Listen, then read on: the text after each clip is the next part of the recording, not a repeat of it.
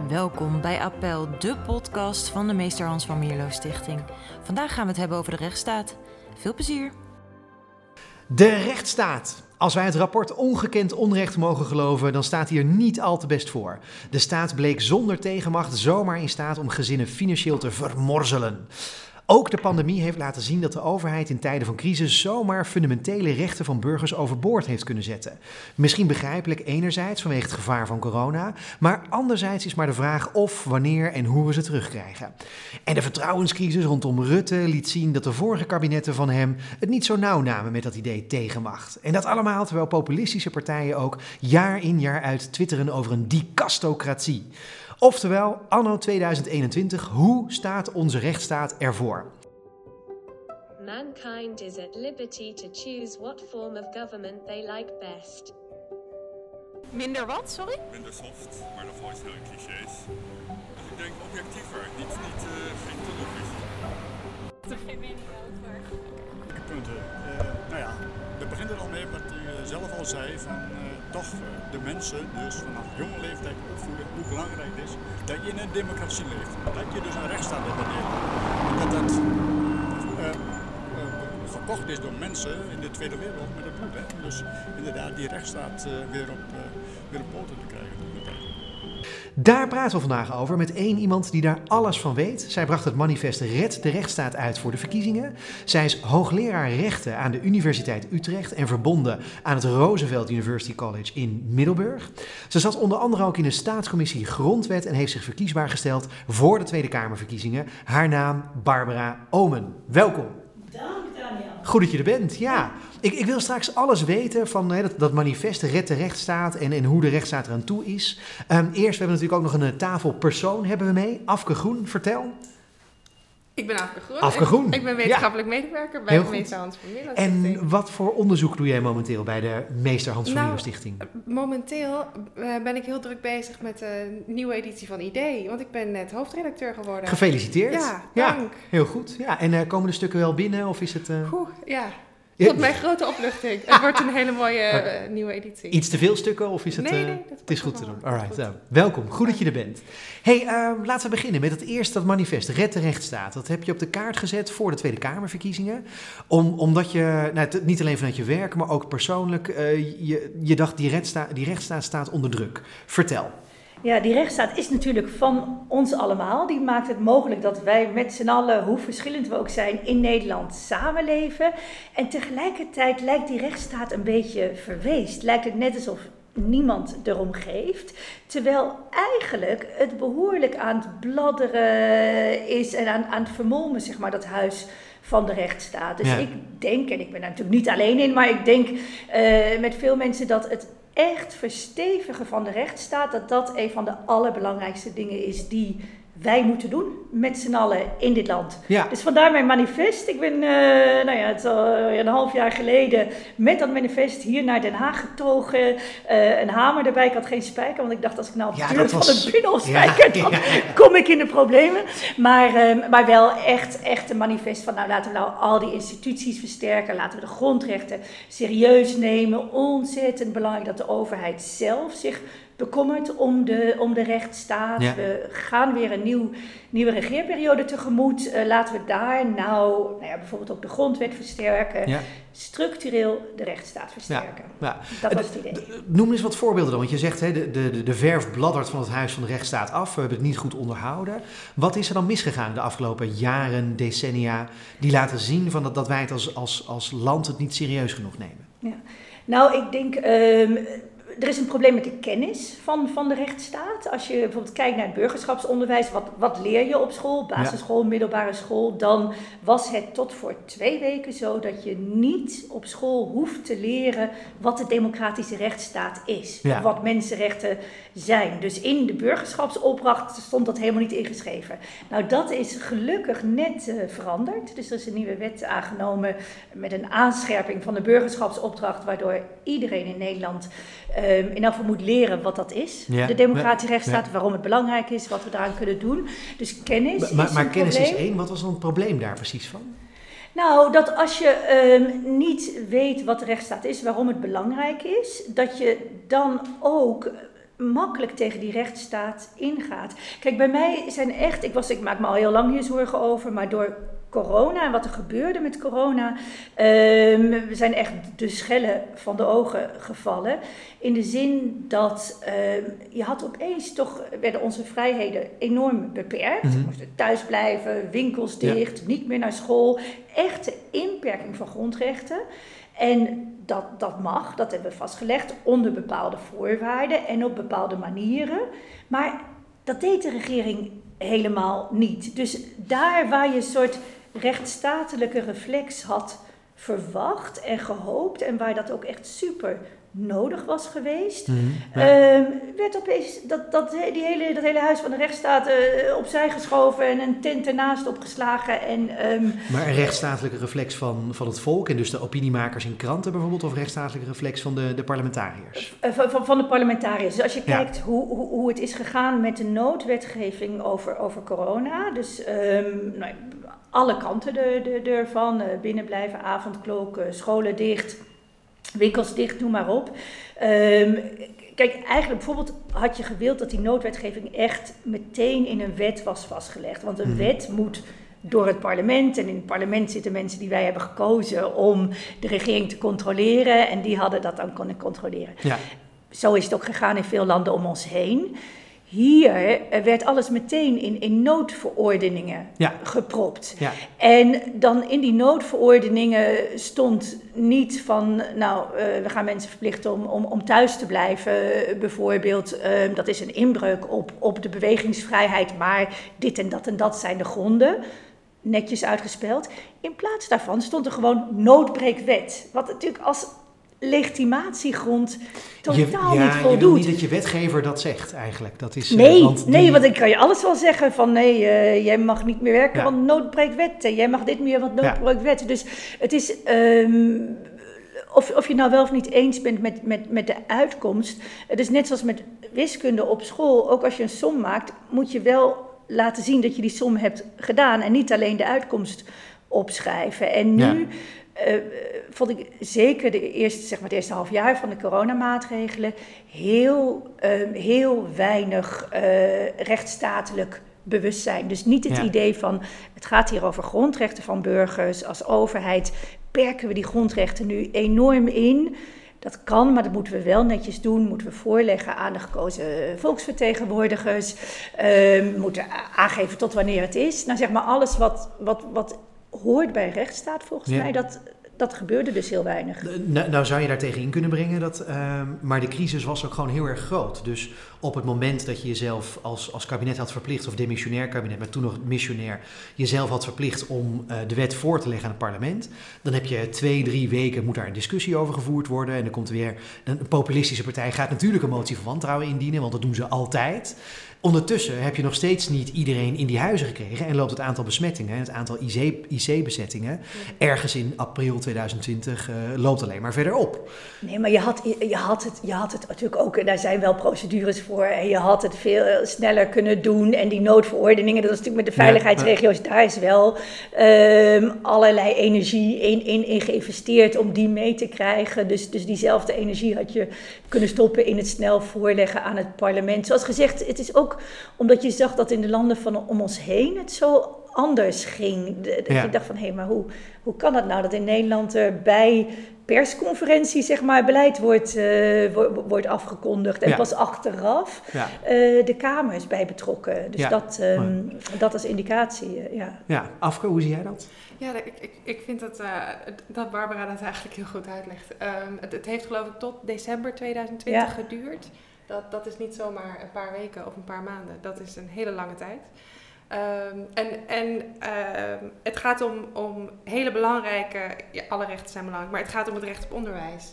het gaat om, hè, als ik ook aan mijn eigen familie denk, om het recht om je familie te zien in het verpleeghuis. Dat wordt eh, ingeperkt. Dus je verwacht op zijn minst daar een ja, democratische verantwoording over. ja, Eh, ja. En, en daarbij een, ook een sterke rol van het parlement. ja. Dus, Ik, ik, Ja. ik, bega- ik ga die vraag nog één keer dan stellen, maar, want eigenlijk hebben jullie daar al een duidelijk antwoord op gegeven. Ehm, maar ik ga die vraag toch nog wel één keer stellen. Eh, ik maak vaak de kapitale fouten door me in allerlei Facebook-discussies te mengen. En ik hoor nu allerlei mensen, hoor ik al roepen, ja maar potdomme, we gaan toch met z'n allen dood? Je kunt het wel hebben over democratische controle op dat recht om je opa te kunnen zien of eh, dat democratische recht om je kinderen onderwijs te geven. Maar eh, er is een crisis, dus eh, hallo, het moet gewoon snel. Absoluut. Nee, en, en, en het kan dan natuurlijk ook snel. Ja. En vooropgesteld, kijk, de overheid heeft, heeft ook een verantwoordelijkheid voor het recht op leven, het Ja, recht op gezondheidszorg. Dus dat is ook Ja. een, een, een rechtsplicht die rust op de overheid. Maar waar die rechtsplicht dus betekent dat je andere grondrechten zo inperkt, da- dan, dan moet dat toch netjes gebeuren. En wat afgezegd, die verpleeghuizen, daar zijn dus maandenlang mensen verboden om Ja. eh, familie te zien. En dat is echt, echt een enorme inbreuk op bijvoorbeeld artikel 8 van het EVRM, recht op familieleven.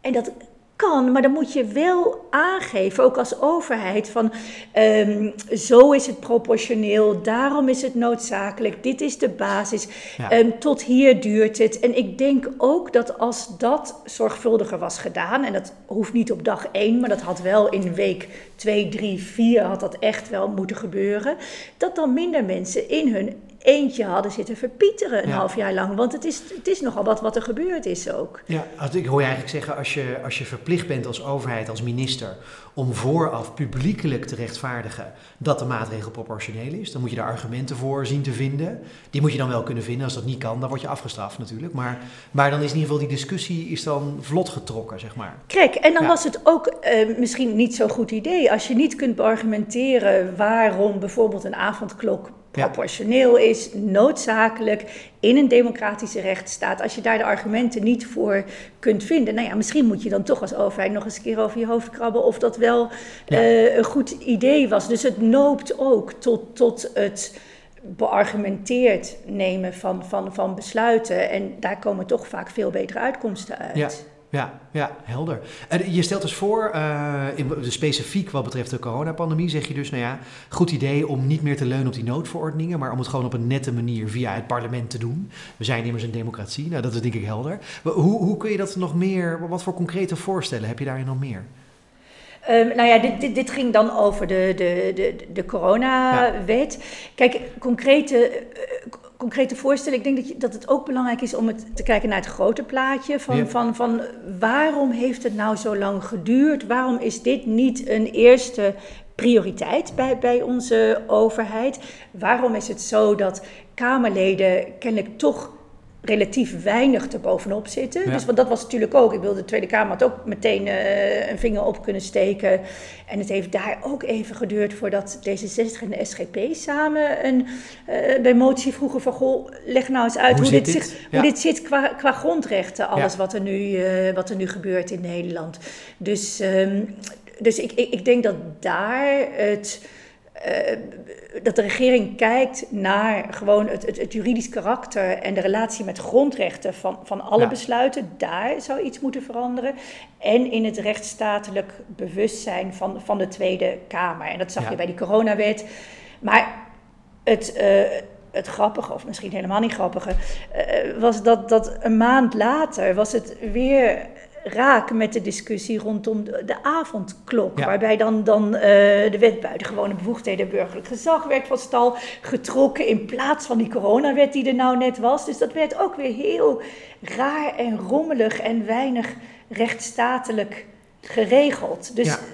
Je, je ziet eigenlijk een soort patroon van een kabinet of een demissionair kabinet dat allerlei geitenpaadjes zoekt, allerlei manieren om maar hun wil er doorheen te drukken via een omweg zonder democratische controle. ja, en daarmee democratische met die controle geiten- vooraf. Precies. Ja. En daarmee echt, echt erodeert. Dus Ja. echt, echt die, die, die, die rechtsstaat nog verder, verder aantast. En ik denk, als je nu terugkijkt ook op zeg maar de, de, de corona anderhalf jaar, dan zijn natuurlijk in de afgelopen tijd ook een aantal dingen aan het licht gekomen. Waarbij je ook dat, ja, dit stelselmatig gebrek aan aandacht voor de rechtsstaat ziet. Dus bijvoorbeeld die toeslagenaffaire Ja. die jij Ja. eh, al, al, al noemde. Nou ja, dat is natuurlijk eh, alles wat er met Black Lives Matter aan de kaak is gesteld. Dus als een rechtsstaat een van de kernideeën van de rechtsstaat is dat je een overheid hebt die zichzelf ook aan het recht houdt. Bijvoorbeeld Mhm. om, dat iedereen recht heeft op gelijke behandeling. Dat de overheid daarvoor moet zorgen, dat je toegang hebt tot de rechter. Ehm, dat dat gewoon te vaak en stelselmatig in Nederland niet Ja. gebeurt. En dat is, eh, nou ja, zeg maar dat grote beeld, denk ik, daar moet je iets aan doen. Want Ja. het is echt zorgelijk. Maar, uh, Afke, ja, veel aan? Nee, ja, ik, ik dacht aan, eh, maar daar ga ik straks nog wat over zeggen. eh, aan, aan dat ik laatst eh, in een documentaire zag dat een, een, een rechtszaak over een uithuisplaatsing van, van je kind, eh, dat dat zo'n 10 minuten duurt. Ja. En ik, ik sloeg stijl achterover. Ja, ja. Dat was dat even is- over toegang tot de rechter. En, Ja, precies. Maar, la- maar laten we zo Ja, de, de rechters erbij pakken. Want Ja. de, de laatste vraag die ik hier misschien nog wel over zou willen stellen is... ehm, ik denk dat het terecht is, je, je schetst een goed beeld, hè, ideaal beeld van... het zou goed zijn als er altijd democratische controle vooraf plaatsvindt. Sterker nog, naarmate de maatregelen nog meer ingrijpen in burgerlijke vrijheden, burgerlijke rechten... ehm, dan moet dat des te meer plaatsvinden. Dat Ja. denk ik een helder verhaal. Ehm, tegelijkertijd merk je wel in de praktijk, en er verscheen afgelopen week geloof ik van in, eh Tom Jan Meeuwers in het NRC een column over, dat die democratische controle die wordt uitgevoerd door politieke partijen. En die politieke partijen, er is niemand die ze erop betrapt dat ze week 1 zeggen ze je moet dit doen en week 2 zeggen ze dat je, je moet dat doen. En we zitten nu in het moment dat er de versoepelingen die er waren, dat iedereen weer naar discotheken mocht, die worden hevig bekritiseerd. Maar ze worden bekritiseerd door eh, allerlei partijen die zeggen nu had je dat wel moeten doen, dat was dom dat je dat deed. Terwijl ze twee weken eerder zeiden, dat moet je juist wel doen. Het is dom dat je het niet doet. De- wie spreekt dan die, die controleurs eigenlijk aan? Wie bewaakt de bewakers in de democratische controle, om het maar zo te zeggen? Nou, ehm, wij allemaal natuurlijk. Ja, En, en ja. de pers en, en eh, de burgers en degene die die eh, controleurs kiezen. Dus ik denk Ja. dat daar zit weer een eh, controlemechanisme op. Ik denk dat, eh, kijk, waar ik dus heel erg voor pleit, is, is, is een discussie in termen van, van grondrechten. En dat Ja. ook de Kamer, als er een voorstel langskomt om te versoepelen of niet, ehm, ook, ook vraagt om en wijst op het, het, het, het, het, het- dat het hier gaat om grondrechten van, Ja. van mensen. Recht op gezondheidszorg, ook bewegingsvrijheid, eh, eigendomsrecht. Als jij een strandtent hebt, ehm, wat het betekent als de boel weer dicht gaat. Ehm, en dat daarmee, door te wijzen op die grondrechten, de Kamer de regering ook scherp kan, eh, kan, kan, kan houden. Ja. Dus ik denk in de dialoog tussen Kamer en parlement is het inderdaad vaak heel erg eh, ad hoc. Daar heb je natuurlijk eh, Ja, gelijk ja. in. Maar op het moment dat Kamerleden toch ook meer dat trouw zweren aan de grondwet serieus nemen en met die grondwet in de hand en dus onze grondrechten in de hand de regering controleren, denk, je dat, denk ik dat je toch ook uitkomt op iets wat beter is voor ons allemaal. Dus dan gaat het debat ook beter lopen en, Ja. en de, die behoefte aan scoren die, eh, die heel veel politici toch wel voelen, ehm, wordt minder daardoor. Nou, dat, dat, dat, dat, dat, dat, dat, dat weet ik niet. Maar kijk, als, als, als jij opkomt voor de, voor de grondrechten van alle, alle burgers... en ik denk Ja. dat dat een taak is van iedere politicus... dus ook los van partijpolitiek... dat gewoon het staan voor de grondwet, het staan Ja. voor grondrechten... dat dat iets is... Ja, het is niet voor niks dat je nou net dat document in handen hebt als je beëdigd wordt. Dus eh, ja, dat daarmee de Kamer ook, ook ons allemaal in Nederland een plezier... eh, Ja. en meer een plezier doet. Ja, ja. Afke, ja? Ja, veronderstelt onze grondwet niet ook dat, dat de Kamerleden dat doen? Ehm, ja, ja. En, en, ook, en, en de regering zelf ook natuurlijk. Ja. Dat in het maken van wetten en het maken van beleid, dat, dat die grondrechten eh, voorop staan en dat de Kamer dan daarop controleert. Dus inderdaad, op papier is het allemaal zo. Maar ja, van dat papier blijft weinig over op het moment dat, dat, dat wij allemaal gedwongen worden thuis te blijven en dat dat ergens in een noodverordening wordt Ja, gepropt. papier is dan maar papier. Dat is Ja, eh, ja, ja. ja. Nou, Nou heb je dus in dat manifest Red de Rechtsstaat en ook in al je andere werk heb je voorstellen gedaan over hoe je dat ook kunt vlot trekken. Dus een, een van de dingen die je noemt, hè, naast dus controle vooraf, is eh, ook, kijk ook naar de rol van de rechter. Dat die grondwettelijke toetsing kan, eh, kan, pla- kan la- laten plaats hebben. Hoe ziet dat eruit en wat voegt dat toe? Ja, nou, het voorstel is eigenlijk van Thorbecke al hoor, van 1848. Dus Ja. het is niet dat het mijn. eh, Het is niet nieuw. Ja. Nee, en, en kijk, een constitutioneel hof is eigenlijk iets wat hoort bij een, een, een volwassen democratie en een democratische rechtsstaat. Dus als landen toe willen treden tot de Europese Unie, ehm, dan, dan vraagt de EU dat eh, die landen een vorm van constitutionele toetsing hebben. Dus het, idee, het hoort echt bij een rechtsstaat. Ja. Gek genoeg hebben wij het in Nederland niet. Dus dat betekent dat eh, in Nederland kunnen wetten aangenomen worden die tegen de grondwet ingaan. En dan kan je daar niet Nee. mee naar de, Nee. de rechter. Dus, dus als het parlement hier verderop eh, in meerderheid eh, besluit om een aanrechtwet aan te nemen, vrouwen mogen niet meer werken, ehm, dan weten we allemaal dat het botst van, van, met, met, met artikel Ja. 1 van de grondwet. Maar dan kunnen Afke en ik dus niet naar de rechter gaan en zeggen van nou, ehm, deze wet moet van tafel, want die botst met artikel 1 van Ja. de grondwet. En dat is ehm, een weeffout in ons constitutioneel bestel. En echt iets waarmee dus de bescherming ook van onze grondrechten minder, minder sterk is. En ehm, ja, daar, daar, daar, zou je iets aan willen doen. En dan kan je dat doen met een constitutioneel hof. Je kan ook bijvoorbeeld de Hoge Raad grondwettelijk laten toetsen. Er zijn allerlei manieren om het te doen. Maar, ehm, maar het, is, het, is, het, is, het is iets wat, wat eh, nou dus al, al 170 jaar in Nederland eh, zeggen mensen van dit, dit zou er eens moeten komen. Ja. Maar eh, het is er nog Het is niet. nog steeds niet gelukt. Ja, al al ja. meer dan anderhalf eeuw proberen het voor elkaar te krijgen Ja. en lukt het maar niet. Ja, Het is, eh, waarom lukt het historisch dan niet? Nou, omdat in, in de ogen van het parlement gaat het over het weggeven van, van macht. Dus, dus als jij eh, in, in, in het parlement ehm, zegt van, nou ja, we, we laten toe dat de rechter achteraf ook nog controleert of de wetten die wij maken in lijn zijn met de grondwet. Ja, dat is toch, ehm, daar ga je toch in macht op andere, achteruit. En Ja. dat, dat is lastig, macht, macht weggeven. Ehm, bovendien is onze grondwet heel lastig te wijzigen. Ehm, eh, Twee kan- lezingen, twee, twee lezingen, twee derde Ja. meerderheid. Dus er was een voorstel in, in 2002 eh, van Femke Halsma om een vorm van constitutionele toetsing in te voeren. Ehm, nou, het heeft allerlei fases eh, doorlopen.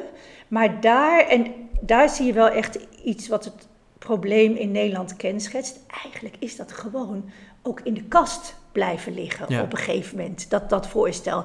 En toen was eh, alweer een kabinetsperiode voorbij en nog één. En dan is het heel gek om weer zo'n wijzigingsvoorstel uit de kast te halen. Dus dat is een keer op een, een, een, een, mooie zomermiddag, is dat gewoon geruisloos afgevoerd. Dat, dat, eh, Gewoon verdwenen van de agenda. Ja, en nu, ehm, op zich, er is altijd wel weer een nieuwe, nieuwe dag voor dit soort dingen. Want, want het, het, het- waar ik zelf ontzettend blij om ben, is dat er nu een motie is aangenomen in de Tweede Kamer, voorgesteld door het CDA, ehm, ehm, die het kabinet vraagt om het komend jaar de mogelijkheid tot een constitutioneel hof te gaan onderzoeken en daar ook echt vaart mee te maken. Dus het staat weer, eh, het staat weer op de agenda. Gelukkig, dus eindelijk anderhalf eeuw na Thorbecke kunnen we het eindelijk een beetje terugpakken. Kunnen we volwassen worden als democratie. Zo kun je het eigenlijk zien. Ik, is, eh, ik denk ja. het. En, en, en een van de argumenten daar, daarbij is... Kijk, de, de, de, de, de, Kamer is, is, is, is bang hiervoor van... Ja, wat, wat gebeurt er als, als rechters wetten gaan toetsen aan de grondwet? Nou, dan kun je Ja. zeggen... Rechters mogen al toetsen aan internationale verdragen. Dus in die zin kan er al getoetst worden. Alleen niet aan onze eigen grondwet. Dus dat is ook al gek.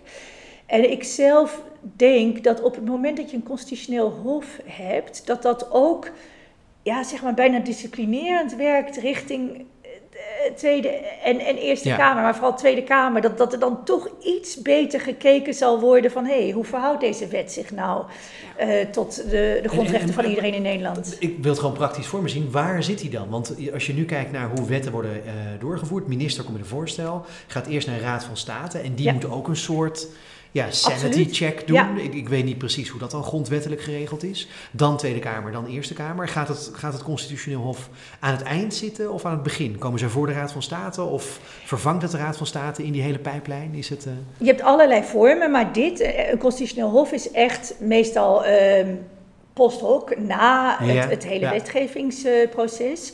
Waarbij gezegd moet worden, de Raad van State heeft ook echt die functie van, van een, een, een constitutionele toets. Hè? Net Ja. zoals de regering moet zelf ook grondwettelijk toetsen, de Kamer moet grondwettelijk toetsen. Eh, daarbij luisteren naar de Raad van State.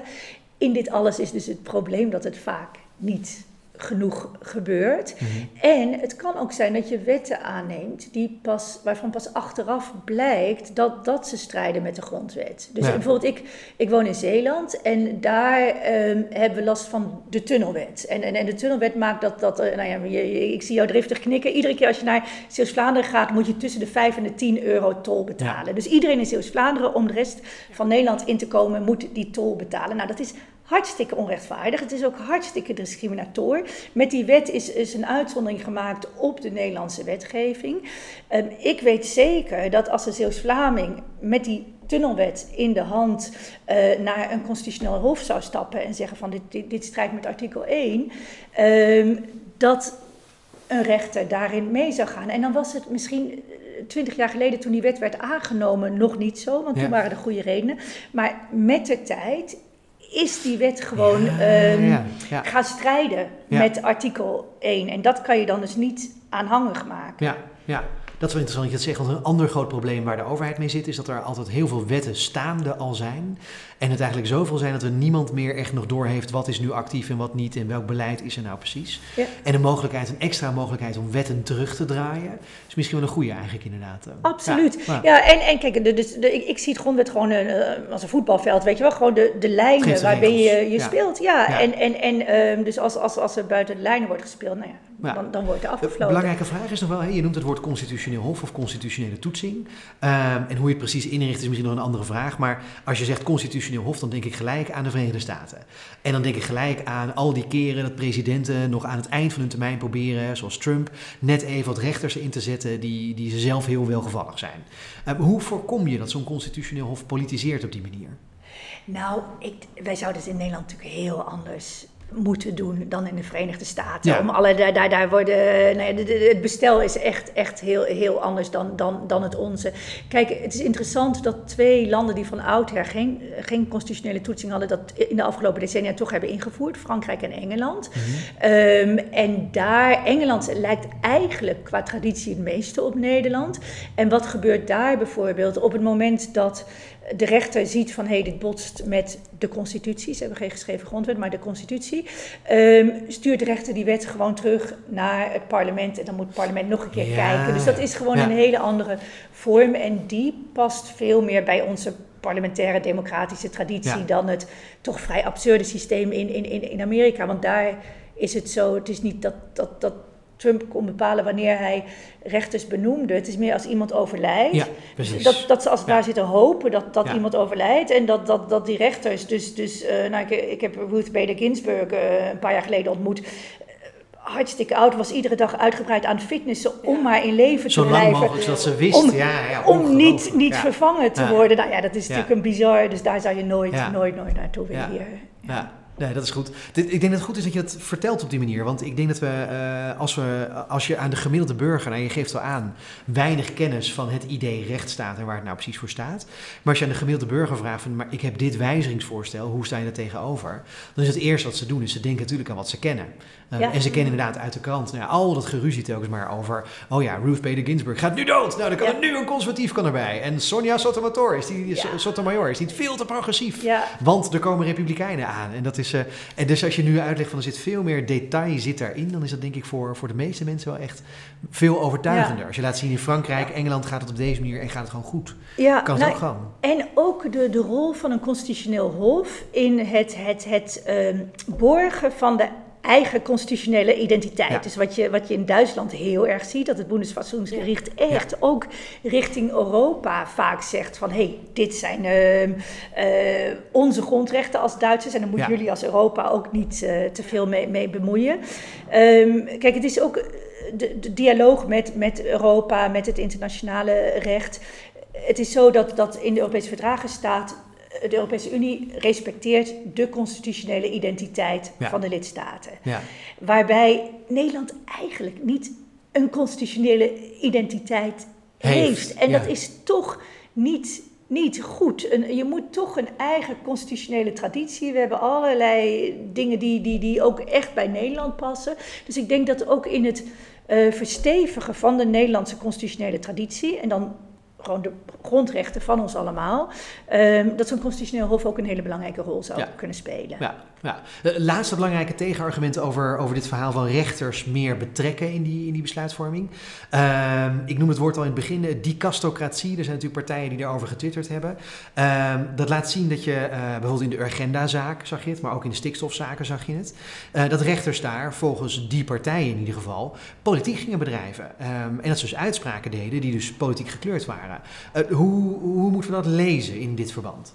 Nou, we moeten het lezen als, als politiek van de, de desbetreffende partijen Ja. en niet Ja. van, van, van de rechters. We mogen wel gewoon Kijk, zeggen welke het zijn. Hè? Het gaat natuurlijk gewoon over Forum. Dat is, eh, ja. En PVV Ja. en ook echt de VVD. Ik was, ik was vorig jaar bij, ehm, vlak voor corona, was ik bij een, een hoorzitting over dicastocratie.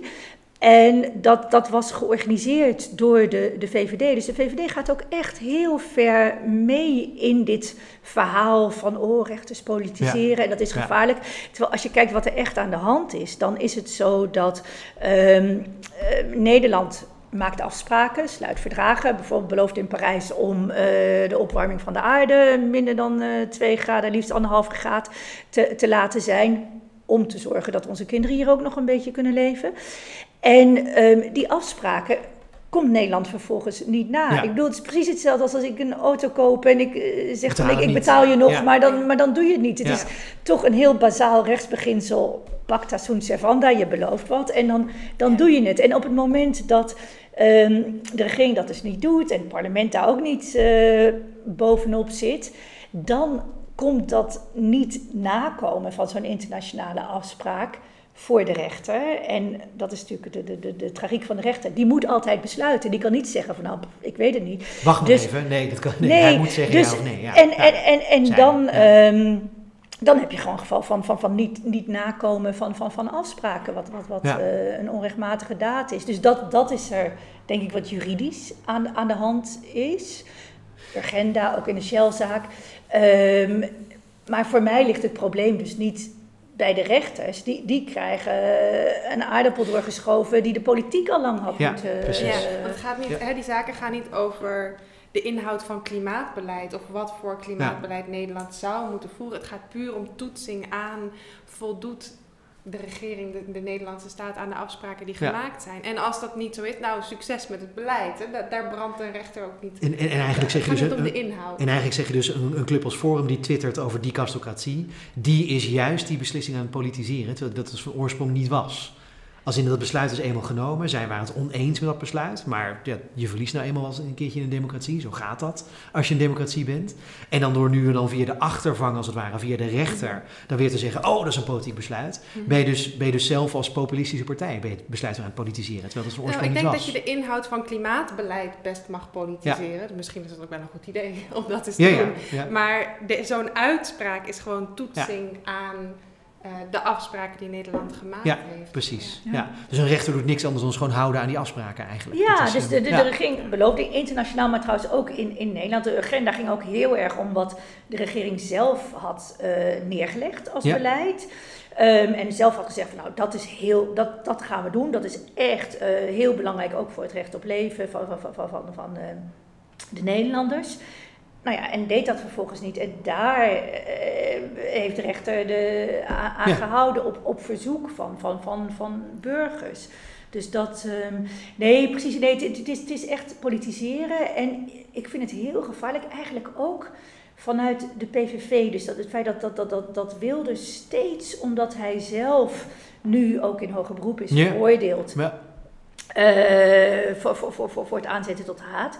Ehm, heeft gezegd van ja, dat betekent dat de rechtspraak politiek is. Kijk, ik vind het dat iedere politicus van, van, van links tot, tot, tot, tot rechts en ver links tot ver rechts pal moet staan voor, voor die rechtsstaat. Ik bedoel, het is toch een beetje alsof je gewoon het, Nederlands wegennet, iedereen heeft daar belang bij. En, en, en wat hier gebeurt is dat iemand gewoon een bom midden op straat legt en, en gewoon het hele, de hele boel Ja. in gevaar brengt. Ja. Dus ehm, eh, ja, dus nee, het is, het is, het is, eh, zorgelijk, vind ik. Ja, ja. dat is goed. Dus, nou, dat, dat leidt dus eigenlijk naar wat andere dingen die je ook voorstelt. Hè? Want eh, we hebben nu dus heel erg over de rol van de rechter gehad. Maar je, je stelde ook voor bijvoorbeeld, eh, neem een artikel 0, neem dat op. Waarin we zeggen in de grondwet, we zijn echt een democratische rechtsstaat. En dat kan er onder andere helpen bij wat je eerder al aangaf, het gebrek aan kennis wat daar bij de meeste burgers leeft over wat is dat dan een democratische rechtsstaat. Hoe, hoe zit het precies? Ja, nou, ook, ook weer niet echt mijn idee hoor, moet, ik eerlijk, ja, oh, eh, moet ja. ik eerlijk zeggen. Het, het, ja. het, het komt eh, voort uit, ehm, eh, nou, heel, heel lang geleden, alle, allerlei commissies, et cetera. Ook onder andere nog door Alexander Pechtold voorgesteld. Dat was het idee van de algemene bepaling of een preambule bij de grondwet. Toen is de staatscommissie waar ik in zat, ehm, daarmee aan de slag gegaan met het idee van een algemene bepaling in de grondwet, waarin in elk geval zou moeten staan dat Nederland een democratische rechtsstaat is. Want het is natuurlijk gek dat dat niet in onze grondwet staat, dat we Ja. een democratie zijn en een rechtsstaat. Nou, dat, dat voorstel van ons toen, dat heeft allerlei eh, varianten gekend. En nu is er een voorstel. eh, dat gaat in tweede lezing nu, dus dat is echt al de eerste lezing doorgekomen. We zijn er bijna. We kunnen het ook. En wat het is, we kunnen de tekst niet meer veranderen. Als, als je mij zou zeggen van wat zou je willen, zou ik een andere tekst willen. Maar het gaat nu om negen woorden. Eh, de grondwet waarborgt de grondrechten en de democratische rechtsstaat. Is Oké. trouwens Ja. dankzij D66 dat er wordt gesproken over de democratische rechtsstaat. Want hiervoor was het de democratie en de rechtsstaat. En toen is in de Senaat gezegd van ja, maar democratie en rechtsstaat zijn zo met elkaar verbonden. Je moet het hebben over de democratische rechtsstaat. Dus nu staat er de grondwet waarborgt de grondrechten en de democratische rechtsstaat. Nou, wat, wat ik goed vind aan het voorstel is dat voor het eerst in onze geschiedenis in de grondwet komt te staan dat Nederland een democratische rechtsstaat Mhm. is. Dat is belangrijk, zeker in het licht van krachten die op een gegeven moment die democratische rechtsstaat af zouden willen schaffen, bijvoorbeeld. Want dat kan nu constitutioneel, als we nu eh twee derde meerderheid. eh, Hoe lang geleden was het ook weer dat Piet Hein Donner zelfs in Ja. de krant zei dat eh, als de meerderheid sharia-wetgeving Ja. wil, dan kan dat? Ja, Dat was 15 jaar geleden of zo? Dat, was is dat. En dat, dat is dat punt. En hij, iedereen is er enorm over gevallen. Maar hij had, juridisch had hij gelijk. Dan, dan is het zo. Dus als, als er hier twee derde mensen in het parlement zitten zeggen van nou, weg met die democratie, dan constitutioneel kan dat. Ja. Ehm, dus democratische rechtsstaat in de grondwet. Ik zelf ben, dat, dat begin, de grondwet waarborgt de grondrechten en de democratische rechtsstaat. Ehm, ik, het, het feit dat het eerste woord de grondwet is, dat, dat, dat zegt voor mij alles over hoe we in Nederland met die democratische rechtsstaat omgaan. Ik had veel liever bijvoorbeeld de overheid waarborgt de grondrechten en de democratische rechtsstaat. Of, eh, dus, dus mijn Ja, pleidooi, ja. was een stuk in de NRC, en mijn pleidooi was om vooral deze tekst nu aan te nemen, want het heeft al heel lang geduurd. Dan en zijn we er eindelijk eens. dan ja. hebben we tenminste Ja. iets. Maar je kan natuurlijk in het parlement ook echt wel invulling geven aan wat er in zo'n zo'n zo'n nieuwe bepaling komt. Om, om goed met elkaar af te spreken van ja, als we het hebben over de grondwet, dan hebben we het over alle instituties die in de grondwet Ja. staan. De, de, de lokale overheden, de provinciale overheden, parlement, regering. Iedereen, wij allemaal, zijn verantwoordelijk voor het waarborgen van de grondrechten en de democratische rechtsstaat. Want een grondwet alleen, dat is ook een stuk papier, die kan Ja, dat niet daar doe je doen. niks mee. Ja, Ja, ja, dus ja, ehm, ja. goed, Ja. dat was Ja. daar het... het- Afke, ja? Ja, eh, nee, ja ik, ik, ik wilde nog iets zeggen over. Je hoort soms het argument dat, eh, dat zoiets niet nodig zou zijn, omdat het al gewaarborgd zou zijn. Hè, Nederland is lid van de Europese Unie, het staat in artikel Ja. 2, Verdrag Europese Unie.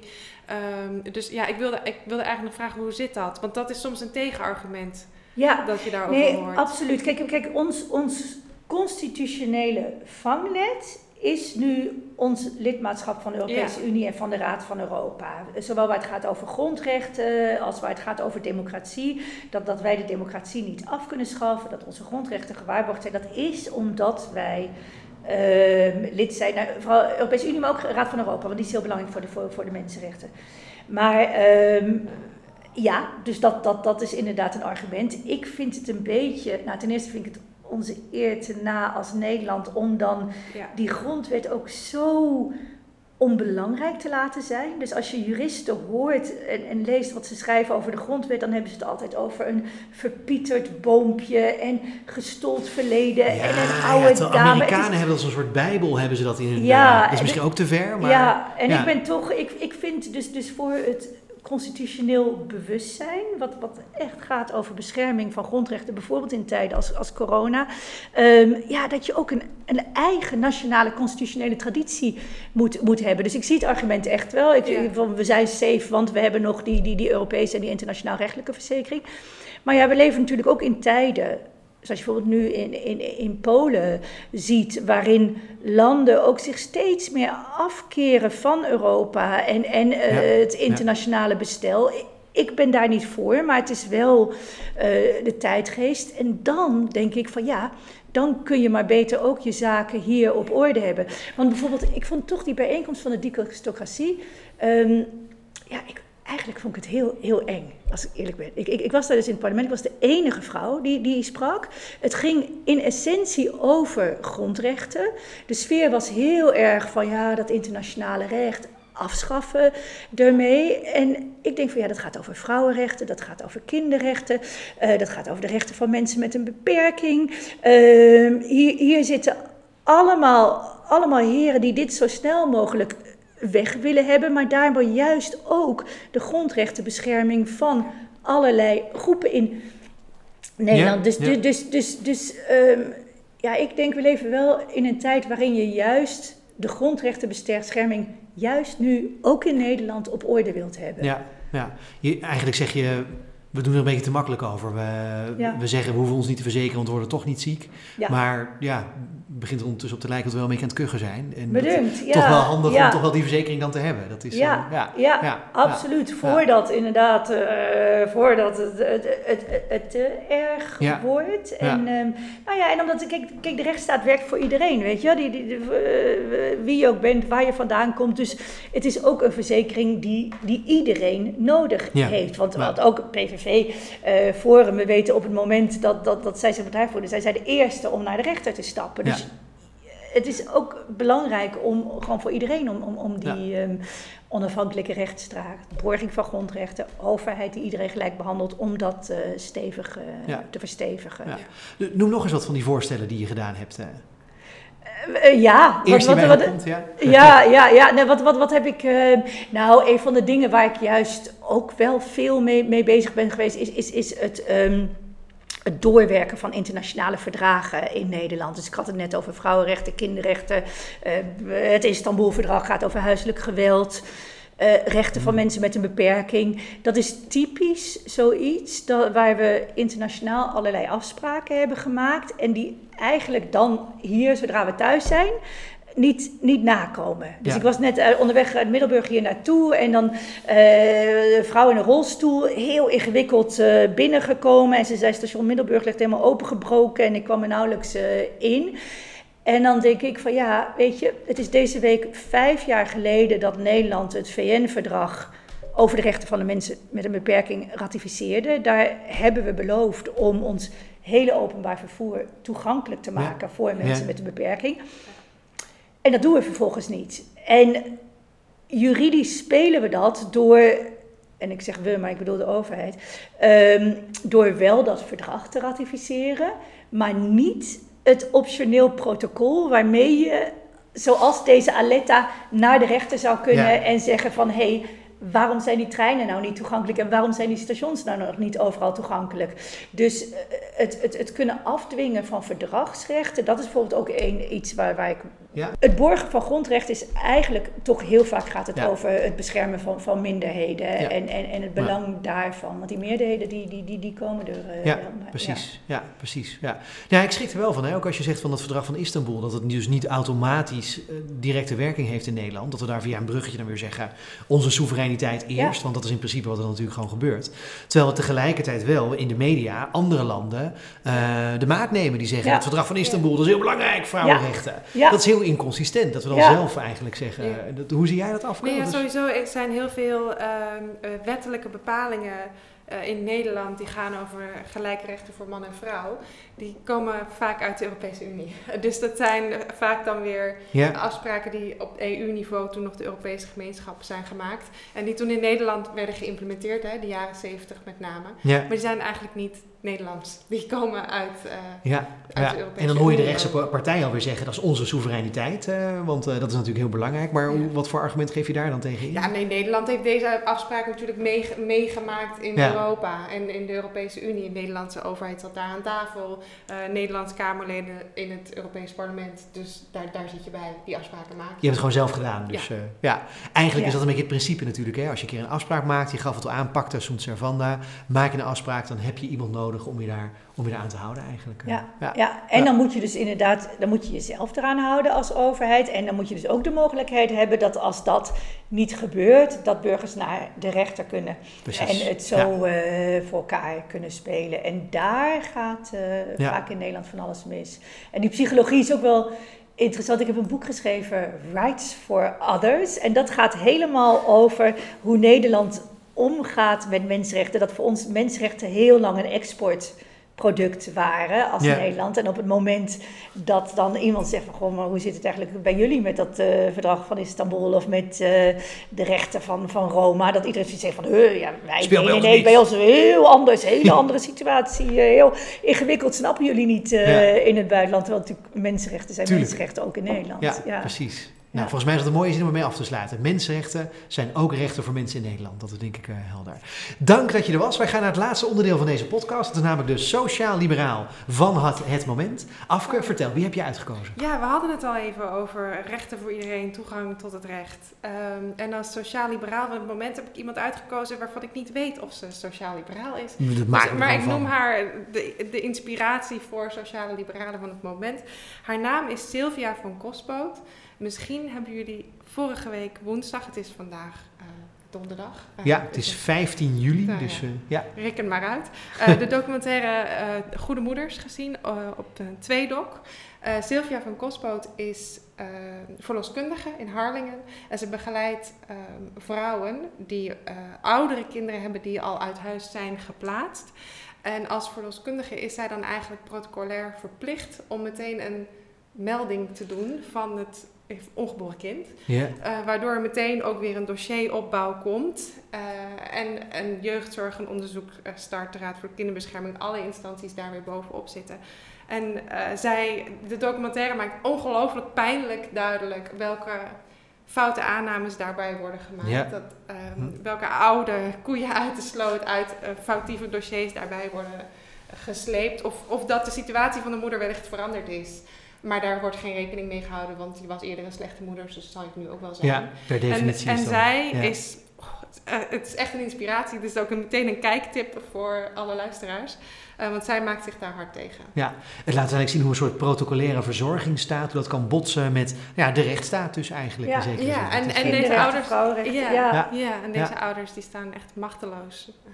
Ja, Ja. ja, dat is eh, scherp. En ja. dus Ja. dat was het eerste. Dus ik vind haar daarom de sociaal-liberale inspiratie van het moment. Omdat zij dat doet. Zij maakt zich hard voor de rechten van de vrouwen, van de families, van de ongeboren kinderen. En de tweede reden is misschien ietsje abstracter. Maar die wilde ik toch even noemen. Want zij komt ook op voor de vrijheid om, om je eigen leven in te richten zoals jij dat goed vindt. Ja, Hè? En natuurlijk eh, binnen de grenzen van wat we met elkaar af hebben gesproken, we hebben het daar net uitgebreid over gehad. Je mag je kinderen niet verwaarlozen, je mag ze niet mishandelen. Dat, dat staat buiten kijf. ja. Maar zij wijst er eh, wel op, en dat zegt ze ook later in een interview. Ze zegt: ehm, Wij hebben een, in onze maakbare wereld hebben we ideeën over waar een moeder aan moet voldoen. Ehm, en dat noemt zij een basisprobleem. Zijn wij nog wel in staat om te zien dat mensen ook een andere invulling kunnen geven, in dit geval aan moederschap, zonder dat wij een oordeel vellen over jij bent geen goede moeder. Hè, denk aan, in, het, in de documentaire komt dat ook naar voren, een eh, jeugdzorg schrijft dan op eh, in een dossier dat, dat de ouders niet goed voor de kinderen zorgen, want de kinderen slapen bij de ouders in bed. Maar dit gaat om een Afghaanse familie. En het is heel raar als je je kinderen in een andere kamer zou leggen.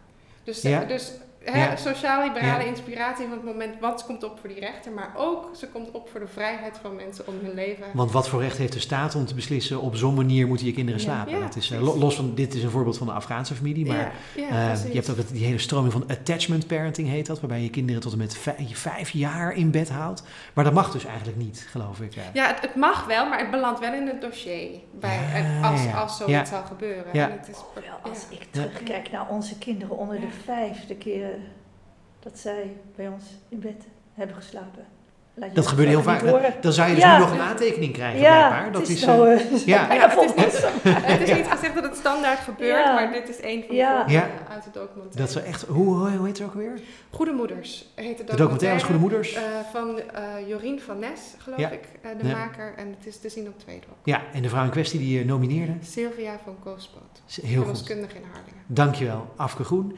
En dankjewel ook eh, Barbara Omer. We hebben heel veel geleerd. en Dat was een goed gesprek. En ik denk dat we, ja, we zijn echt een stap verder. En veel van je oproepen, ja, dat, nou ja het was een Ja. beetje preaching to the choir voor ons, Ja. denk ik. Maar jullie zitten nu Ehm, aan tafel. Jullie kunnen eh, dit ook Nou, echt, wij niet. eh. Wij zijn slechts nee, van de Familio ja, Stichting. maar we maar zullen doorspelen. ik denk dat echt gro- grote verwachtingen van, van D66 hier natuurlijk als, als Partij van de Rechtsstaat. En ehm, daar hebben we denk ik als iedereen in Nederland iets Iets waar we van oudsher natuurlijk als partij wel heel erg voor hebben gestaan. Dus, Ja, en ik, ik hoop toch ook, ik bedoel, het zit ook in de liberale, de VVD-traditie is ook een rechtsstatelijke traditie verloren. Echt, denk ik, voor een groot deel de afgelopen jaren, maar nooit te laat om eh, te keren daar. we trekken ze graag aan het jasje erover. Dat is, eh, Precies. ja. Dankjewel, Barbara Omer. Dankjewel, Afke Groen.